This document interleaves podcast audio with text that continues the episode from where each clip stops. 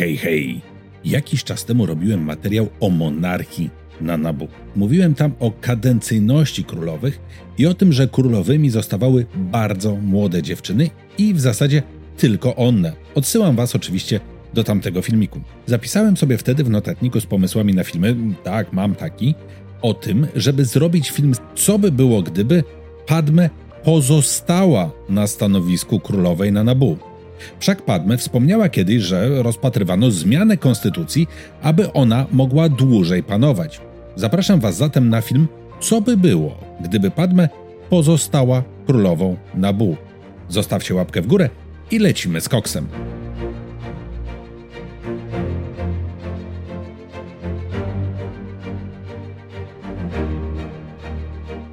Jak wiemy, królowe Nabu to były, jak powiedziałem, młode dziewczynki w wieku wczesnych nastu lat najczęściej, wybierane na maksymalnie dwie kadencje. Różne źródła podają różnie, albo dwie czteroletnie kadencje, albo nawet mniej, dwie dwuletnie kadencje. No to w tej chwili nieistotne. W każdym razie lud Nabu wierzył, że czystość umysłu dziecka sprawi, że rządy będą sprawiedliwe i szczere.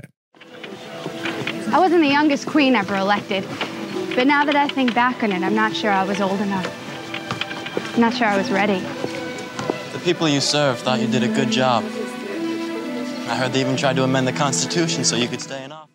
Padme Amidala, kiedy przestała być królową Nabu, została przedstawicielem tej planety w Senacie Republiki, zastępując na tym stanowisku Palpatina, który został kanclerzem. No to oczywiście wszystko wiemy.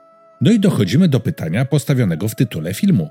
Co by było, gdyby zmieniono konstytucję Nabu i Padme została na dłużej królową? Być może w Senacie Nabu byłoby reprezentowane przez senatora Binksa, któremu do pomocy królowa wyznaczyłaby na przykład jednego ze swoich zaufanych doradców. Może Siobibl podjąłby się tego zadania?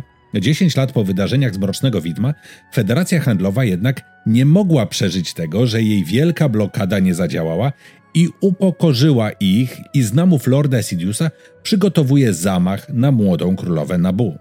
Ma to być dla nich odpłata za długie lata ciągania po komisjach sejmowych i zemsta za wielkie straty finansowe i utratę znaczenia Federacji Handlowej. Lord Sidious chciałby też, aby zamach na planecie, z której pochodził Palpatine, kanclerz Republiki, był swego rodzaju preludium do wojen klonów. Zamach nie uda się. W wybuchu zginie m.in. dwórka królowej i kapitan Panaka. Amidala cudem uchodzi z życiem. Ryzyko kolejnych zamachów jednak istnieje.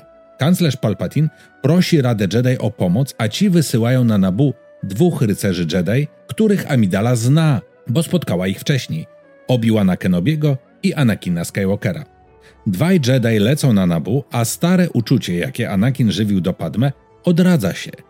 Jedi postanawiają zbadać sprawę zamachu na Amidale, zatem Kenobi zostaje przypisany do śledztwa, a Skywalker zostaje na Nabu, aby bezpośrednio chronić królową. I ich uczucie kwitnie. Niestety kolejne wydarzenia, podobnie jak w oficjalnej wersji Star Wars, doprowadzają do wybuchu wojen klonów. Anakin zostaje pasowany na rycerza Jedi i dostaje swoją padawankę, Ahsokę Tano. Jednocześnie wojny klonów idą pełną parą. Anakin jest wiele tygodni na misjach, ale jak tylko ma chwilę odpoczynku, to przy pomocy swojego myśliwca lata na Nabu, aby spotkać się z królową Amidalą. Udaje im się nawet w tajemnicy wziąć ślub, ale nie należy ukrywać, że ich związkowi jest jeszcze trudniej z dwóch powodów. Po pierwsze, Padme nie jest na Korusant, a po drugie, jako królowa jest zdecydowanie bardziej na świeczniku i trudno jest zakochanym znaleźć chwilę bez świadków dla siebie. Oczywiście wycieczki rycerza Jedi Anakina Skywalkera na Nabu za każdym razem, kiedy tylko jest taka możliwość, nie pozostawają niezauważone w świątyni Jedi na Coruscant. Kenobi, który domyśla się tego o co chodzi, uważa, że no, nic złego się nie dzieje. Skywalker lata na Nabu, bo tam może odpocząć po misjach wojny i złapać trochę kontaktu z mocą. Kenobi może po prostu nie chce zauważyć oczywistego. Mistrzowie Jedi, zwłaszcza Mace Windu, jednak nie są tacy łatwowierni, a może po prostu no, Mace nie lubi Anakina i nigdy nie wierzył, że jest on wybrańcem. Faktem jest to, że Anakin jest bohaterem wojen klonów. No i wiecie, wolno mu trochę więcej, w sensie często na jego wybryki przemykane jest oko. Mace'owi Windu nie zajęło wiele czasu potwierdzenie swoich przypuszczeń. Jedi, poza tym, że to wojownicy i dowódcy w wojnach klonów, to mają też całkiem rozwiniętą sieć kontaktów. No, celowo nie mówię tutaj o szpiegach, bo to nie jest koniecznie wywiad Republiki, ale jednak Jedi mają tam jakiś swoich informatorów. Niestety, kolejne wydarzenia i kolejne misje, na które został wysłany Anakin, co zresztą zapewne było zainspirowane przez Palpatina, sprawiło, że konfrontacja Mace'a Windu i Anakina się odwleka. Po powrocie z misji, kiedy Anakin już wybierał się, aby ponownie polecić z Coruscant na Nabu, nastąpiły po sobie dwa wydarzenia. Po pierwsze, on sam zostaje wezwany przed oblicze Rady Jedi, gdzie wprost Mace konfrontuje się z nim i pyta o romans i małżeństwo z królową Nabu, bo o tym usłyszał od swoich informatorów. Anakin przyznaje się do tego, a Rada Jedi daje mu wybór: albo rozwód i zakończenie znajomości, albo będzie musiał odejść z zakonu. Skywalker nie zastanawia się długo. Postanawia odejść z zakonu. Drugą rzeczą, jaka odbywa się chwilę później, jest oskarżenie Asoki. Ona też decyduje się odejść. Kenobi jest zdruzgotany, Rada Jedi także. Nie dość, że odszedł wybraniec, to jeszcze odeszła jego dobrze zapowiadająca się padawanka. I tak zakon w krótkim czasie stracił dwójkę Jedi. W bardzo krótkim czasie. Anakin z jednej strony był wściekły, bo czuł się bohaterem wojennym i czuł potęgę mocy, a Jedi go zdradzili, przynajmniej tak to sobie tłumaczył. Dodatkowo źle potraktowali Asokę, co jeszcze bardziej go wyprowadziło z równowagi.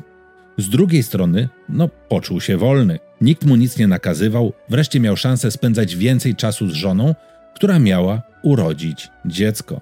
Jednakże nie muszę ukrywać, że wojownikowi takiemu jak on nie w smak pełnienie roli księcia małżonka, w cudzysłowie Amidali, i człowieka, który nie robi nic konkretnego i jest z dala od centrum wydarzeń. Narasta w nim frustracja. Doskonale zdaje sobie sprawę z tego Palpatine, który pewnego dnia po prostu zjawia się na Nabu i opowiada, jakie zagrożenie czeka na Asokę i Padmę oraz podbija frustrację w Anakinie, że Jedi usunęli go nie ze względu na miłość i związek z Padmę, ale dlatego, że był zbyt potężny i był zbyt blisko poznania prawdziwej potęgi Jedi i odkrycia sekretów zakonu. Opowiada o tym, że nie można już zreformować zakonu, że zepsucie poszło za daleko i ujawnia się jako znawca sekretów ciemnej strony mocy. Anakin z kolei godzi się zostać jego uczniem. Plan Palpatina się ziścił. Anakin został uczniem jako Darth Vader. Amidala, widząc co się dzieje z jej ukochanym, wie jednocześnie, że ona, która była raczej opozycjonistką w stosunku do władzy Palpatina, nie może pozwolić, aby jej ukochany, ojciec dziecka, które ma się lada chwila urodzić, opadł w mrok. Anakin, widząc opozycję Padme, uważa, że to Jedi nastawili ją przeciwko niemu. Anakin leci zabić Grievesa, a Palpatine wydaje rozkaz 66. Ładunki wybuchowe zamontowane przez szpiegów Palpatina pod świątynią Jedi na Coruscant wybuchają i cała niemal świątynia obraca się w pył, razem z połową dzielnicy.